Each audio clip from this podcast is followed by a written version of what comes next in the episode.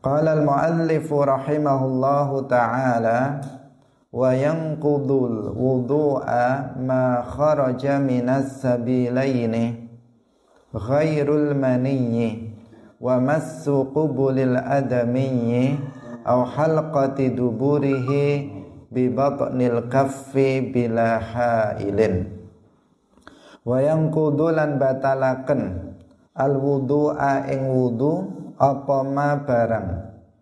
Kharaja kang wis metu apa ma? Minas sabilaini saking dalan loro.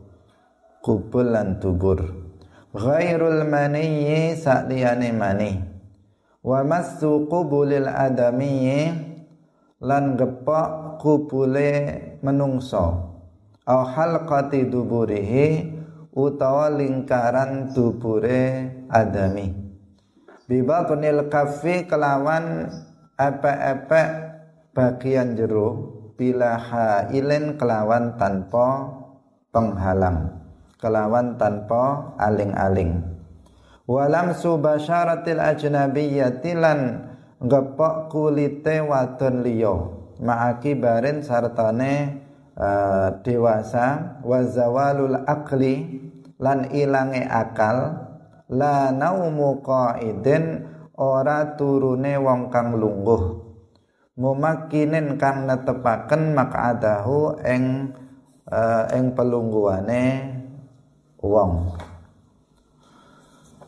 Hadirin rahimakumullah Ada hal-hal yang bisa membatalkan wudhu Yang ini juga disebut dengan hadas kecil.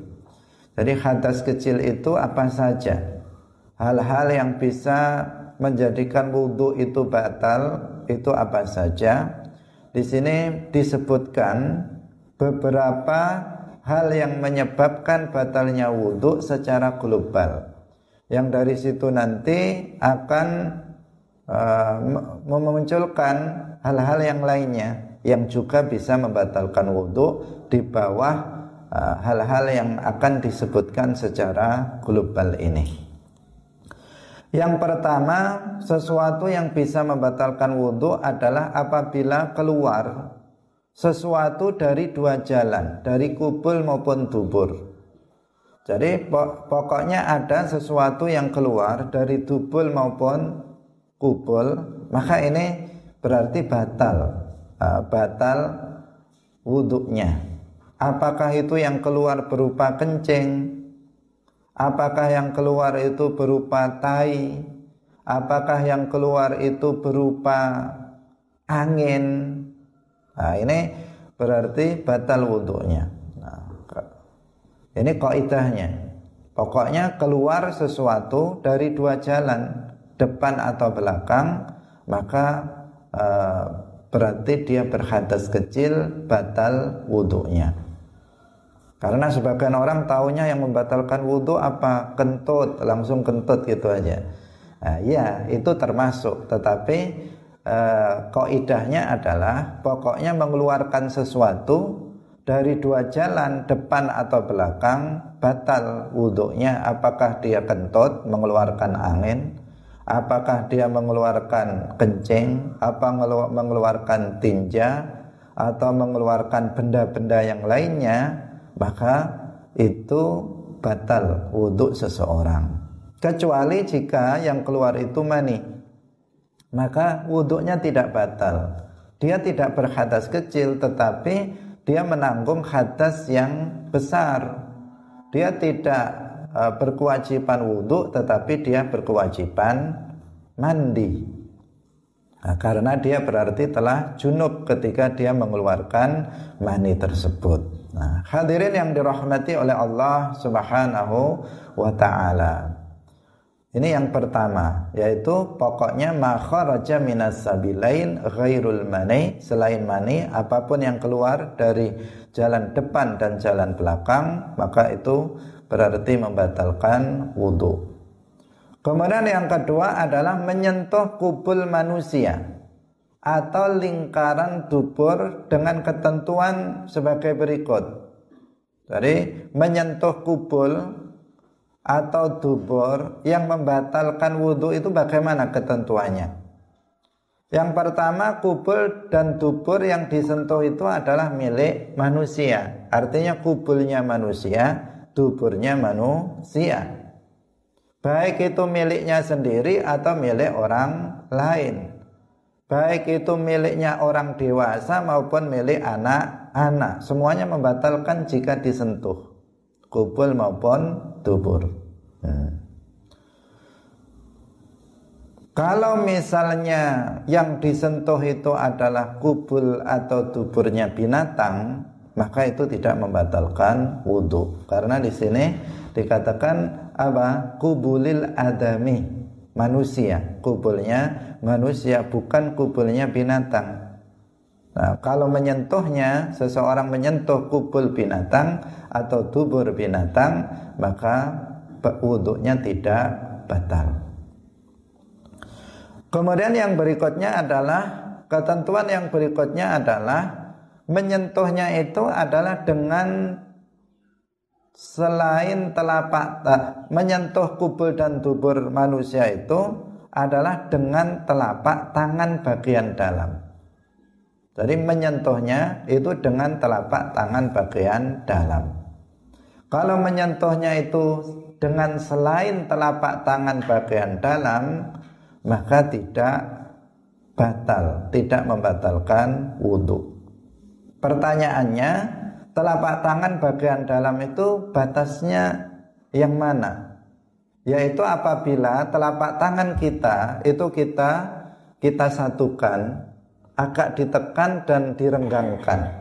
Jadi agak ditekan dan direnggangkan maka bagian yang tidak terlihat ketika kita ginikan itu tidak terlihat itu namanya telapak tangan bagian dalam yang terlihat itu namanya telapak tangan bagian luar.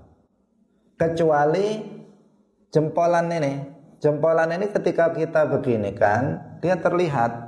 Tetapi ini telapak tangan bagian dalam. Ini pengecualian.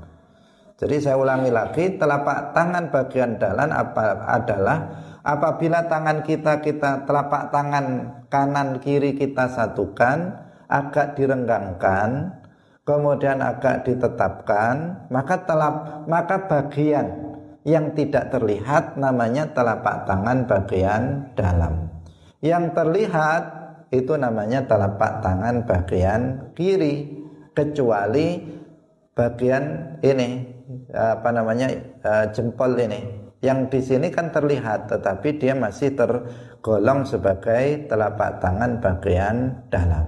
Nah, kalau seseorang menyentuh kemaluan kubul atau dubur dengan telapak tangan bagian dalam, maka ini batal wudhunya.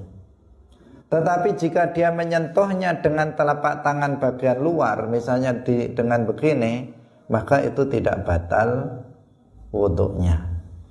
Nah, jadi menyentuhnya yang membatalkan jika dengan telapak tangan bagian dalam. Jika dengan telapak tangan bagian luar maka tidak batal.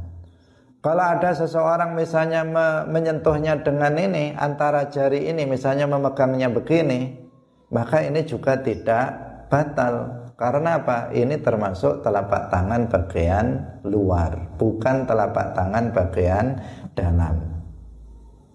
Nah, ini ketentuan yang kedua yang harus kita perhatikan. Jadi yang pertama tadi kubul tuburnya adalah kubul tuburnya manusia, bukan milik binatang. Yang kedua, menyentuhnya itu adalah dengan telapak tangan bagian dalam bukan dengan telapak tangan bagian luar. Hadirin rahimakumullah. Kemudian ketentuan yang ketiga menyentuhnya itu adalah tanpa ada penghalang. Tanpa ada penghalang. Jika ada penghalang maka tidak membatalkan membatalkan wudhu misalnya menyentuhnya di bawah kain ada kain atau sarung misalnya atau kain kemudian menyentuhnya itu ada ada kainnya berarti ada penghalangnya antara tangan dia telapak tangan dia dengan apa namanya bubul dan dubur. Maka di situ tidak membatalkan wudhu karena ada penghalang.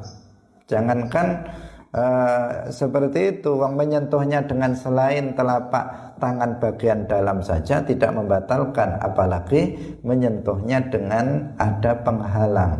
Maka uh, tidak membatalkan wudhu jika ada penghalang dalam hadis Rasulullah Shallallahu Alaihi Wasallam bersabda, "Man massa zakarahu falyatawaddo." Barang siapa yang menyentuh kemaluannya, maka hendaknya dia berwudu. Karena apa? Sudah batal wudhunya dengan sebab menyentuh kemaluan itu tentu dengan penjelasan ketentuan yang tadi sudah kita jelaskan. Kemudian ada beberapa hal yang perlu diperhatikan di sini bahwa dubur yang membatalkan wudhu itu adalah apabila yang disentuh adalah halqatu duburihi yaitu lingkaran dubur. Jadi lingkaran dubur yang dimaksud di sini hanyalah tempat pertemuan lubang dubur saja. Nah, jadi hanya itu, hanya bagian lubang dubur, lingkaran du, lubang dubur itu yang yang membatalkan apabila disentuh. Karena itu kalau seseorang itu menyentuh pantat misalnya, maka itu tidak batal. Menyentuh bokong itu tidak batal. Yang menyentuh adalah menyentuh lingkaran duburnya. Nah, ini, ini yang pertama. Kalau laki-laki maka yang membatalkan jika disentuh adalah bagian batang kemaluannya saja, tidak yang lainnya. Ini kalau laki-laki. Kalau perempuan kubul yang membatalkan wudhu jika disentuh adalah tempat pertemuan dua bibir kemaluannya saja.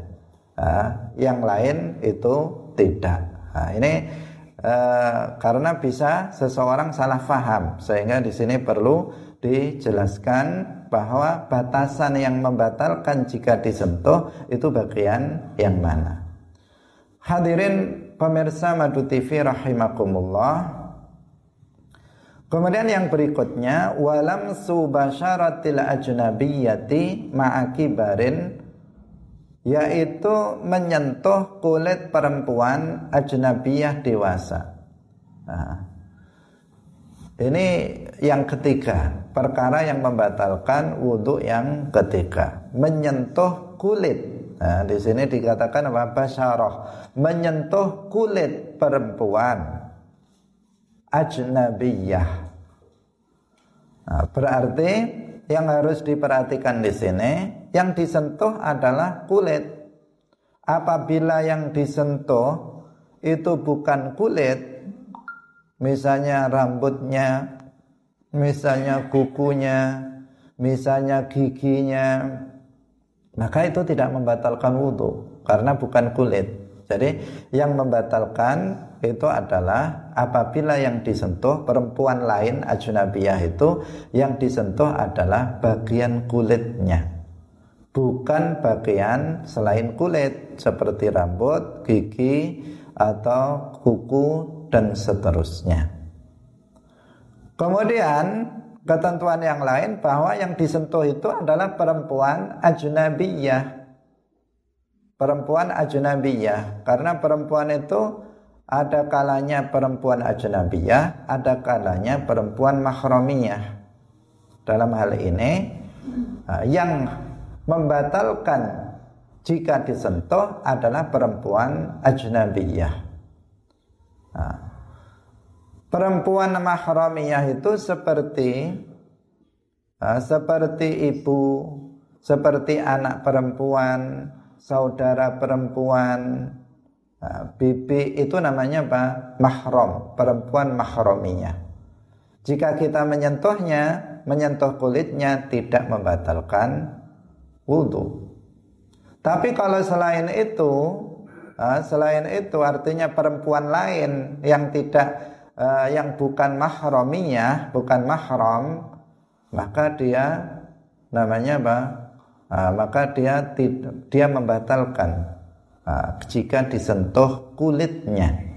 Apabila bukan kulitnya maka tidak haram tetapi ya uh, tetap uh, tidak membatalkan wudhu tetapi tetap haram. Jadi tetap uh, membatalkan wudhu tetapi tetap haram karena perempuan lain. Nah, karena dia adalah perempuan lain. Nah, ini juga juga berlaku untuk istri. Karena istri itu pada awalnya dia adalah perempuan ajnabiyah, perempuan mahramiyah itu haram untuk dinikah. Nah, sehingga istri itu pada awalnya adalah perempuan mahramiyah yang kemudian dijadikan sebagai istri. Maka dalam hal ini hukumnya disamakan dengan ajnabiyah. Sehingga jika seorang suami kemudian menyentuh kulit dari uh, istrinya, maka batal wuduknya. Nah, wuduknya akan batal. Karena di sini hukumnya sama dengan perempuan ajnabiyah dalam masalah menyentuh kulitnya.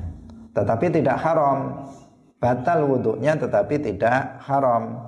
Kalau tadi menyentuh uh, perempuan ajnabiyah itu haram dan membatalkan wudhunya. Hadirin rahimakumullah. Tadi saya ulangi lagi, menyentuh kulit perempuan mahramiyah, perempuan mahram itu tidak membatalkan wudhu dan juga tidak haram. Yang kedua, menyentuh kulit perempuan ajnabiyah itu membatalkan wudhu dan hukumnya haram. Menyentuh kulit istri itu membatalkan wudhu tetapi tidak haram. Nah, jadi beda antara masalah hukum membatalkan wudhu atau haramnya itu masalah yang berbeda. Nah, karena ada sebagian yang pahamnya kalau nggak boleh dise, kalau haram dise, kalau membatalkan berarti haram untuk disentuh, tidak selalu, nah, tidak selalu. Istilahnya perempuan yang haram dinikah itu adalah mahram, bukan muhrim. Nah, ini selalu kita ingatkan karena menyebar luas ya, menyebar luas. Meskipun ini tidak fatal tetapi kalau dalam bahasa Arab itu beda maknanya mahram dengan muhrim. Karena kalau muhrim itu berasal dari kata ahrama yuhrimu fahuwa muhrimun. Isim fa'il dari ahrama yuhrimu. Wazannya af'ala yuf'ilu muf'ilun. Artinya orang yang ihram orang yang melakukan ibadah haji atau umrah itu namanya muhrim. Dia sedang muhrim, artinya dia sedang mengikuti, dia sedang ihram, namanya muhrim, berarti dia sedang melaksanakan ibadah haji dan umrah.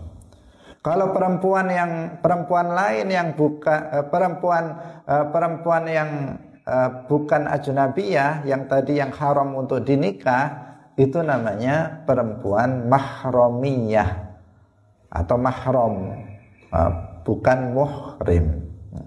Ini hanya meluruskan meluruskan apa? Hanya istilah saja, meluruskan istilah.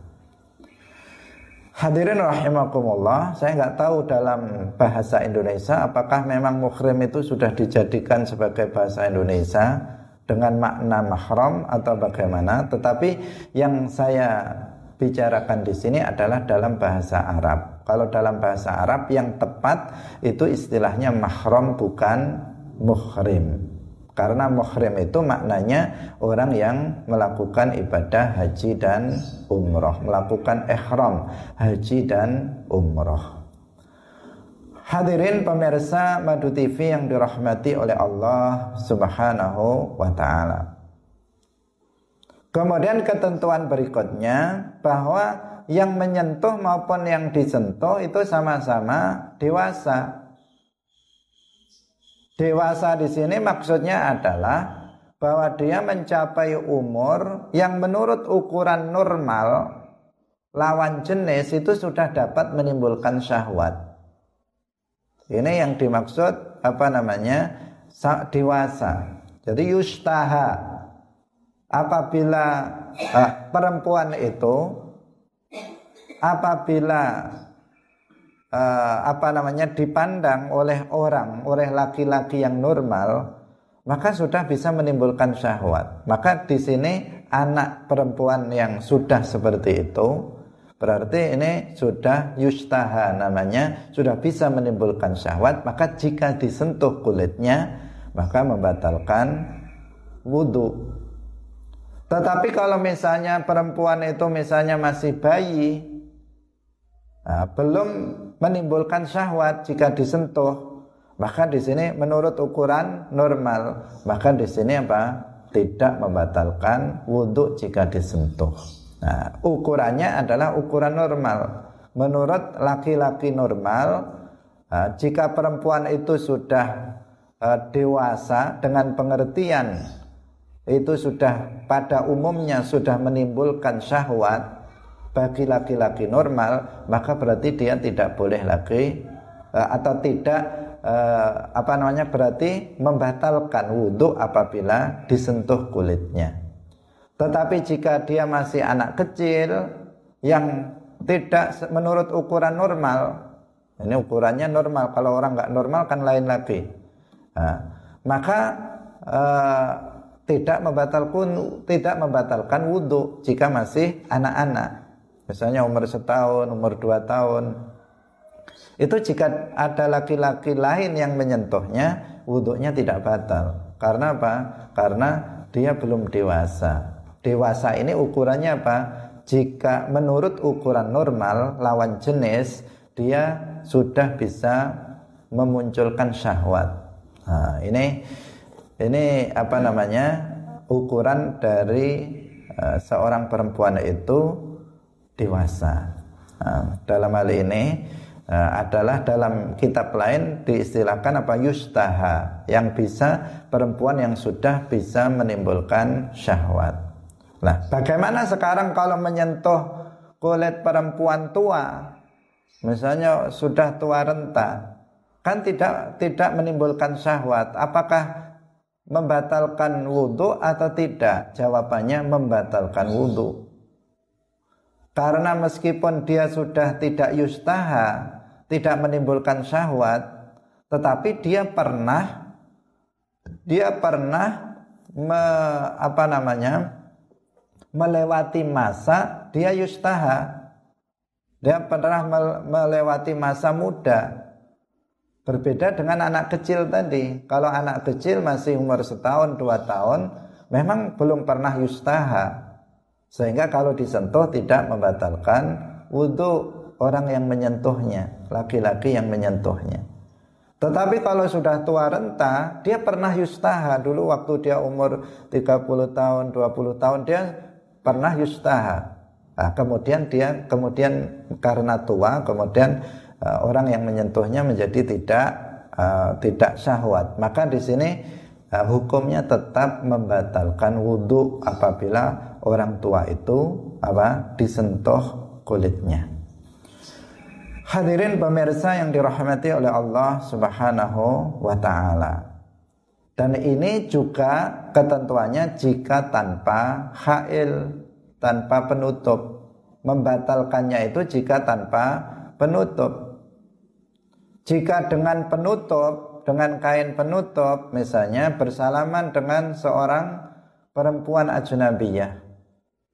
Perempuan lain yang tadi dengan ketentuan yang tadi, tetapi misalnya menggunakan menggunakan penutup kaos tangan misalnya.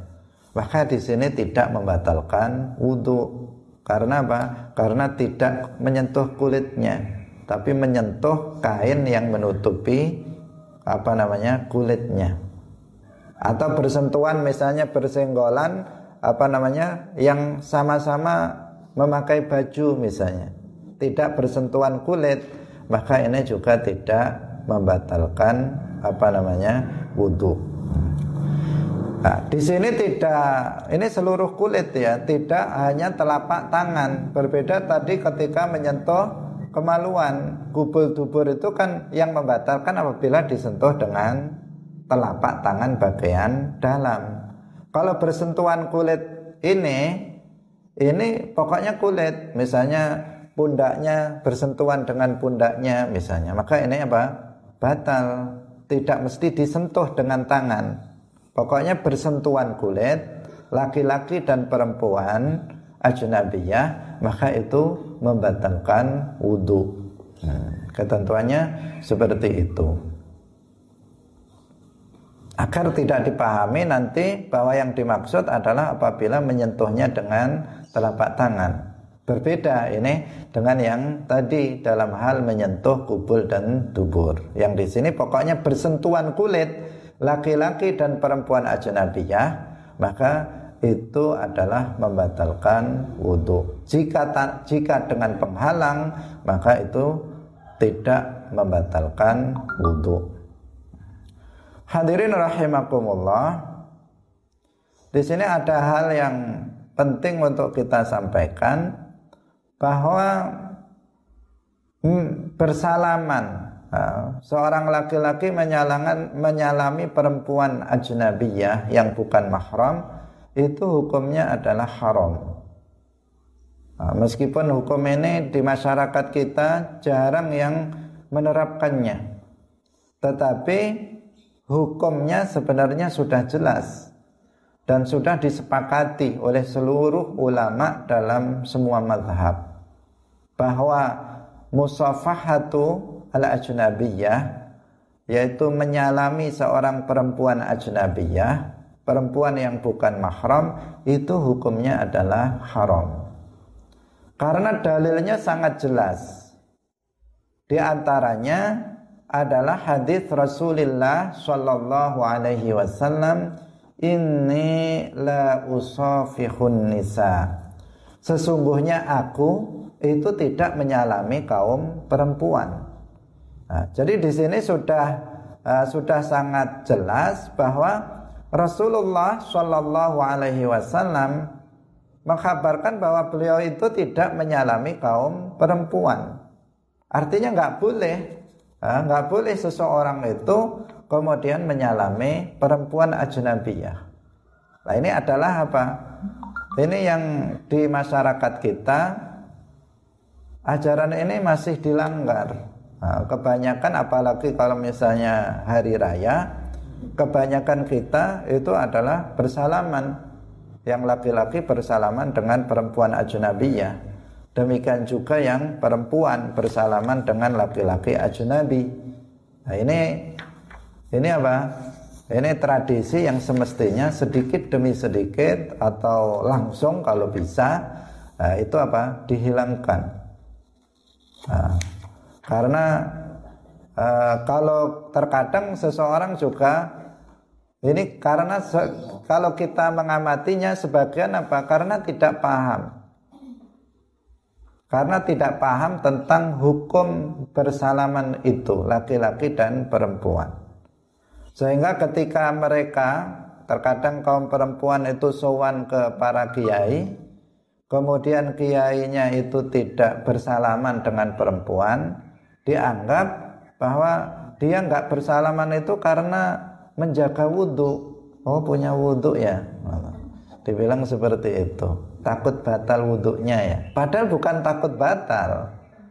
Itu karena memang nggak boleh bersalaman laki-laki perempuan. Tetapi orang awam itu menganggap bahwa tidak bersalaman itu gara-gara itu menjaga wudhu Padahal bukan untuk menjaga wudhu, tetapi karena itu para kiai itu mengetahui bahwa ini nggak boleh menyalami kaum perempuan yang ajnabiyah.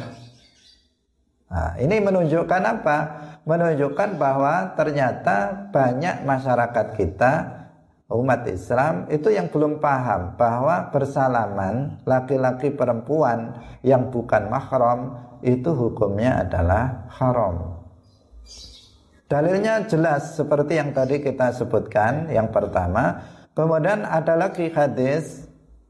Karena bisa saja seseorang membantah tadi hadis yang pertama. Mengatakan oh itu kan hanya kabar Rasulullah. Memang tidak menyalami kaum perempuan, tetapi dia mengatakan tetapi bukan berarti umatnya nggak boleh. Rasulullah yang nggak menyalami, tapi umatnya boleh. Ada orang yang berkata seperti itu.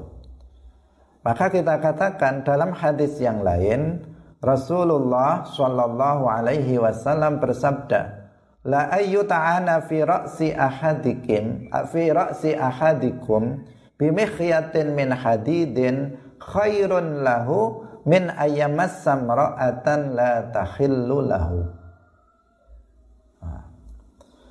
Yang maknanya kalaulah kepala salah seorang kalian itu dilukai dengan jarum dari besi, maka itu lebih baik baginya daripada dia adalah menyentuh seorang perempuan yang tidak halal baginya, artinya perempuan ajnabiyah.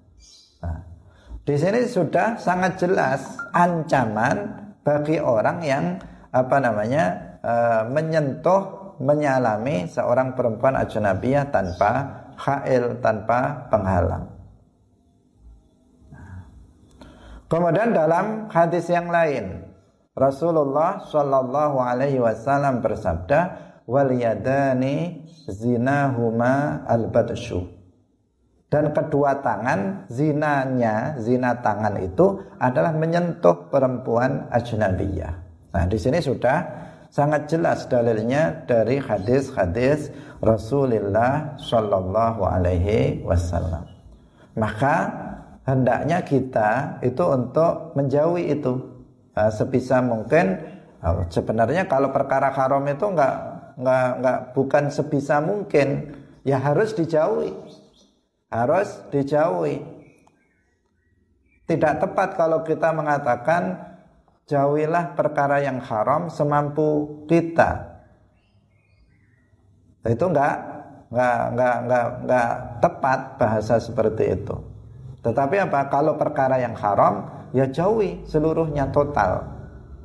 Tetapi kalau misalnya perkara yang wajib maka kerjakanlah semampunya. Tetapi maknanya bukan berarti boleh ditinggalkan seperti yang tersebut dalam sudah pernah kita jelaskan dalam hadis Arba'in Nawawiyah. Ketika Rasulullah bersabda apa namanya? dan apa yang aku perintahkan kepada kalian wa ma amartukum kemudian apa fa'tu minhu mastata'tum lakukanlah semampu kalian Maknanya itu bukan kalau nggak mampu maka boleh kita meninggalkannya. Tetapi uh, tetapi maknanya lakukanlah uh, sesuai dengan kemampuan. Misalnya ke kemampuan yang dimaksud tetap tetap apa? Tetap sesuai dengan ketentuan syarak. Misalnya sakit dia sholat, sholat wajib maka dia harus melaksanakan sholat. Kalau nggak mampu berdiri, maka dia bisa sholat dengan duduk. Kalau dia nggak bisa duduk, maka dia bisa sholat dengan berbaring. Itu yang dimaksud mengerjakan kewajiban semampunya. Bukan artinya kalau bisa hanya bisanya hanya maghrib saja, ya maghrib aja lah, yang lain nggak apa-apa. Bukan begitu.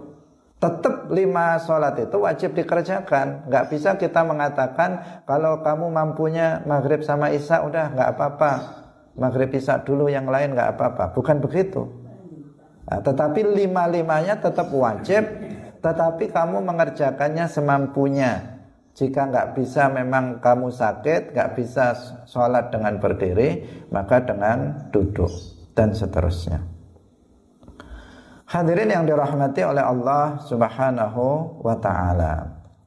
Jadi eh, hal-hal uh, yang membatalkan wudhu Nah, di antaranya yang terakhir kita sebut yang ketiga adalah menyentuh kulit perempuan ajnabiyah dengan ketentuan yang tadi sudah kita jelaskan. Kemudian yang keempat, yang terakhir yang disebutkan dalam kitab ini adalah hilang akal. Hilang akal, zawalul akli. Hilang akal artinya hilangnya tamyiz, dengan sebab gila, mabuk atau tidur. Jadi hilang akal di sini maksudnya adalah hilangnya tamyiz. Artinya dia tidak bisa lagi membedakan orang kalau sedang gila kan nggak bisa membedakan ini si fulan ini si apa itu nggak bisa membedakan apa pun nggak bisa. Demikian juga orang mabuk, orang tidur itu nggak bisa dia untuk uh, artinya tamyiznya itu hilang. Nah, lah di sinilah maka wudhunya batal. Ketika seseorang itu gilanya kumat, maka batal wudhunya. Apabila seseorang itu mabuk, maka batal wudhunya. Apabila seseorang itu tidur, maka batal apa wudhunya. Nah, untuk tidur itu dikecualikan apabila seseorang tidurnya dengan cara duduk disertai dengan menetapkan pantatnya pada tempat duduknya. Nah, seperti pada tanah atau kendaraan. Nah kendaraan tunggangan maksudnya. Itu kalau seseorang itu tidurnya sambil duduk nah, duduknya apa? Dengan menetapkan pantatnya ke tanah ke lantai sehingga tidak memungkinkan kentut itu akan keluar, nggak memungkinkan. Ada sesuatu yang keluar dari tuburnya. Maka di sini wudhunya tidak batal. Hmm, misalnya seseorang sedang mendengarkan khutbah, biasanya ini karena biasanya terjadi. Nah, biasanya terjadi ini orang nggak bisa tidur dengan duduk, tapi kalau sedang mendengarkan khutbah bisa tidur dengan duduk. Padahal dalam keadaan normal dia tidur dengan duduk itu nggak bisa. Tapi ketika di masjid khotib sedang berkhutbah itu bisa tidurnya pulas sekali. Nah, ini banyak yang terjadi. Yang kaum laki-laki itu tahu. Nah, orang banyak yang tidur ketika khutbah dibacakan. Nah, semestinya semestinya enggak karena khutbah itu bagian dari kita mengambil faidah. Di situ banyak pelajaran, banyak peringatan dan seterusnya dalam khutbah itu. Kalau yang pendengarnya itu tidur semua, misalnya ini bagaimana ini? Nggak ada yang dengarkan ini. Padahal sebagian orang ada yang ke masjid atau uh, atau sebagian orang itu tidak pernah belajar ilmu agama kecuali dengan mendengarkan khutbah itu. Dia nggak mau hadir dalam majelis ilmu agama. Nah, dia hanya ikut Jumatan saja. Nah, semestinya itu adalah kesempatan bagi dia untuk belajar ilmu agama. Nah, tetapi justru ternyata sebagian mereka itu apa? Tidur. Pulas lagi tidurnya. Terkadang sudah iqamah dia masih tidur. Nah, ini apa? Ini keterlaluan. Nah, semestinya dipersiapkan misalnya sebelum berangkat Jumatan tidur sejenak misalnya 5 menit, 10 menit. Nah, tapi jangan kebablasan sehingga tidak Jumatan. Nah, jadi eh, agar ketika nanti khutbah itu dibacakan Nah, seseorang bisa mendengarkan khutbah itu dengan seksama dan bisa mengambil faidah dari itu. Nah, tapi itu tidak kita bahas. Yang kita bahas di sini adalah bagaimana jika dia duduk, dia tidur dengan duduk dengan memantapkan pantatnya, maka jawabannya tidak membatalkan wudhu. Jadi dia nggak harus keluar untuk wudhu, dia langsung sholat bisa. Kecuali apabila ternyata posisinya sudah berubah. Dia tidur dengan duduk tadi awalnya. Ternyata sekarang sudah jengking misalnya. Ya. Jadi dia sudah, anu, artinya apa? Pantatnya sudah terangkat atau dia sudah miring, sudah miring. Nah, maka di sini berarti apa? Batal wudhunya. Dia harus berwudhu kembali karena dia sudah tidur kehilangan akal dengan tidak menetapkan tempat duduknya. Nah. Hadirin yang dirahmati oleh Allah Subhanahu wa taala. Nah, dalam muallif mengatakannya bahasanya adalah la naumu qa'idin mumakkinin maka tahu. Ini dianggap seperti itu tidak tidak membatalkan karena apa? Dianggap aman dari kemungkinan keluarnya angin, keluarnya kentut itu. Meskipun tidurnya itu dalam jangka yang lama, sampai satu jam misalnya dia tidur sambil uh, sambil duduk dengan menetapkan uh, pantatnya ke tempat duduknya. Uh, kalau orang itu misalnya kurus kering, kurus kering nggak mungkin dia bisa menetapkan tempat duduknya pasti akan bisa nggak aman itu. Uh, kurus bokongnya kecil. Kurus tinggal tulang misalnya. Itu kan nggak bisa dia menetapkan tempat apa pantatnya pada tempat duduknya. Nah, maka di sini berarti memungkinkan akan keluar angin. Maka di sini uh, berarti tetap membatalkan wudhu dia. Nah, meskipun dia tidur dengan duduk. Tetapi duduknya tidak memakinin maka ada tahu. Hadirin yang dirahmati oleh Allah subhanahu wa ta'ala. Inilah beberapa hal yang membatalkan wudhu yang kita harus perhatikan agar kita apa namanya agar kita ini nanti dalam mengerjakan sholat ini tidak dalam keadaan berhadas kecil. Kalau seseorang nggak tahu hal-hal yang membatalkan wudhu sehingga dikira dia nggak batal, kemudian langsung sholat begitu saja, maka apa? Maka nanti sholatnya nggak sah.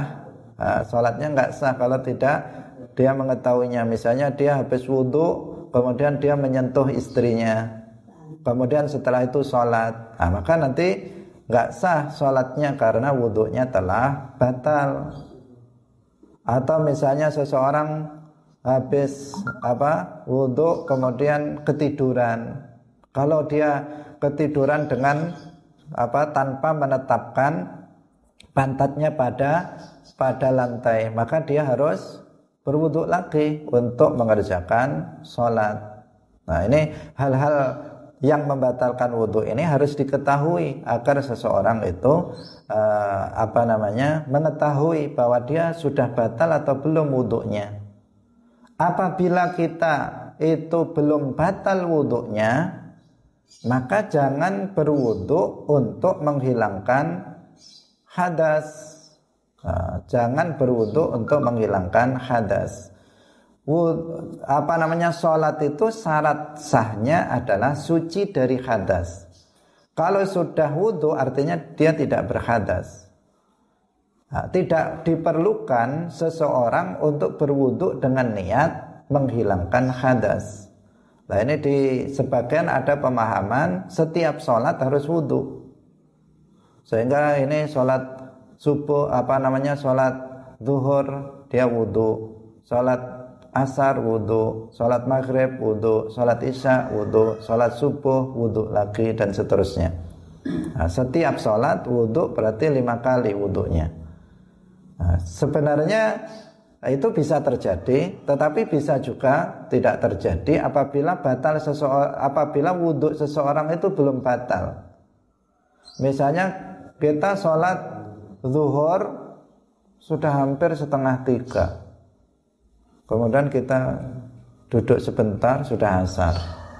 Nah, langsung sholat asar nggak masalah, tidak harus wudhu wudhu lagi untuk sholat asar karena belum batal.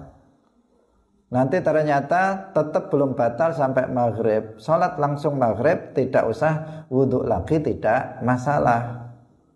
Nanti terus ternyata isya belum batal juga, maka sholat isya tanpa wudhu lagi tidak masalah karena apa? Belum batal wudhunya. Jadi belum batal wudhunya. Nah, ini kita sampaikan karena sebagian orang pemahamannya begitu. Pokoknya setiap sholat wudhu, setiap sholat wudhu. Padahal dia belum batal wudhunya. Kalau kita sedang misalnya sedang puasa, bisa jadi kita sholat zuhur, sholat asar, sholat maghrib, sholat isya dengan satu wudhu bisa jadi. Kalau kita misalnya berada di tempat-tempat tertentu, misalnya Kalau kita memang tidak memungkinkan wudhu dan kita sudah wudhu, ya sudah kita langsung sholat tidak masalah. Tidak harus kemudian dia berwudhu. Nah, apalagi kalau niatnya itu adalah menghilangkan hadas kecil. Dia belum batal wudhunya, kemudian dia berwudhu. Nawaitu raf'al hadasil asghar. Apanya yang dihilangkan? Wong dia tidak ada hadasnya. Dia tidak ada hadasnya. Bagaimana dia berniat? Nawaitu raf'al hadasil asghar. Maka itu tidak tidak boleh dilakukan. Nah, wudhu boleh dilakukan dengan niat tajdidul wudhu. Itu hukumnya sunnah jadi sesuatu yang baik apabila kita setiap sholat itu wudhu. Tapi apa? Dengan niat tajdidul wudhu nawaitul nawaitu tajdidul wudhu lillahi ta'ala. Saya berniat untuk memperbaharui wudhu karena Allah. Maka itu sesuatu yang baik akan berpahala. Sesuatu yang baik. Jadi bukan berarti kita melarang setiap wudhu itu sholat. Enggak.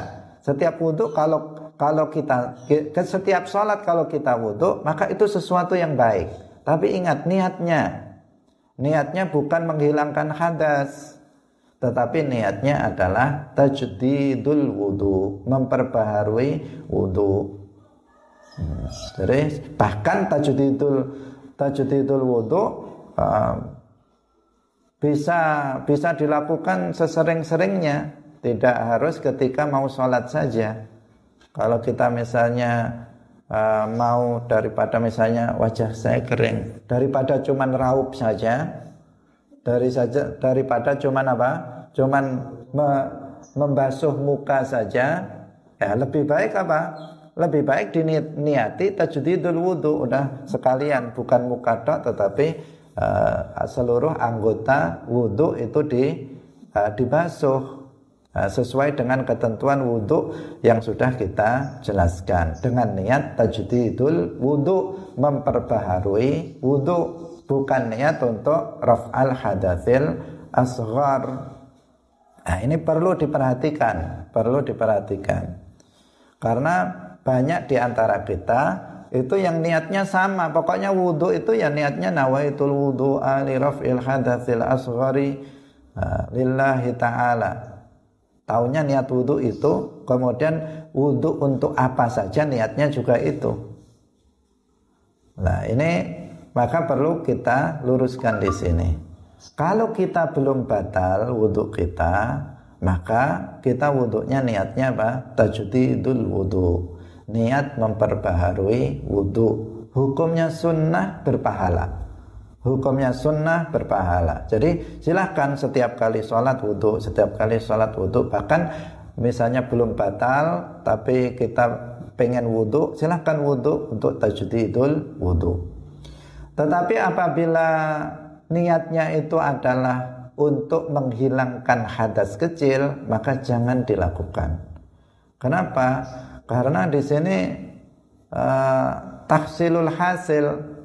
Karena kita nggak nggak berhadas. Apakah kita mau menganggap diri kita berhadas? Sementara kita tidak berhadas. Kalau kita tidak berhadas, jangan anggap diri kita itu orang yang berhadas. Nggak boleh. Masa menganggap sesuatu yang bukan hadas dianggap hadas? Nah, di sini yang jadi masalah. Karena itu uh, kita ingatkan kembali, kalau mau berwudu sedangkan kita tidak batal wudhunya, silahkan. Bahkan itu merupakan kesunahan. Niatnya adalah tajdidul wudhu, memperbaharui wudhu. Nah, ini akan menambah pahala pahala kita karena itu bagian dari uh, apa uh, bagian dari perkara yang hukumnya adalah sunnah di dalam agama kita agama Islam sehingga kita penting untuk mengetahui hal-hal yang membatalkan wudhu agar kita bisa bersikap ketika wudhu saya niatnya apa ini wudhu oh saya tajdidul wudhu karena saya belum batal.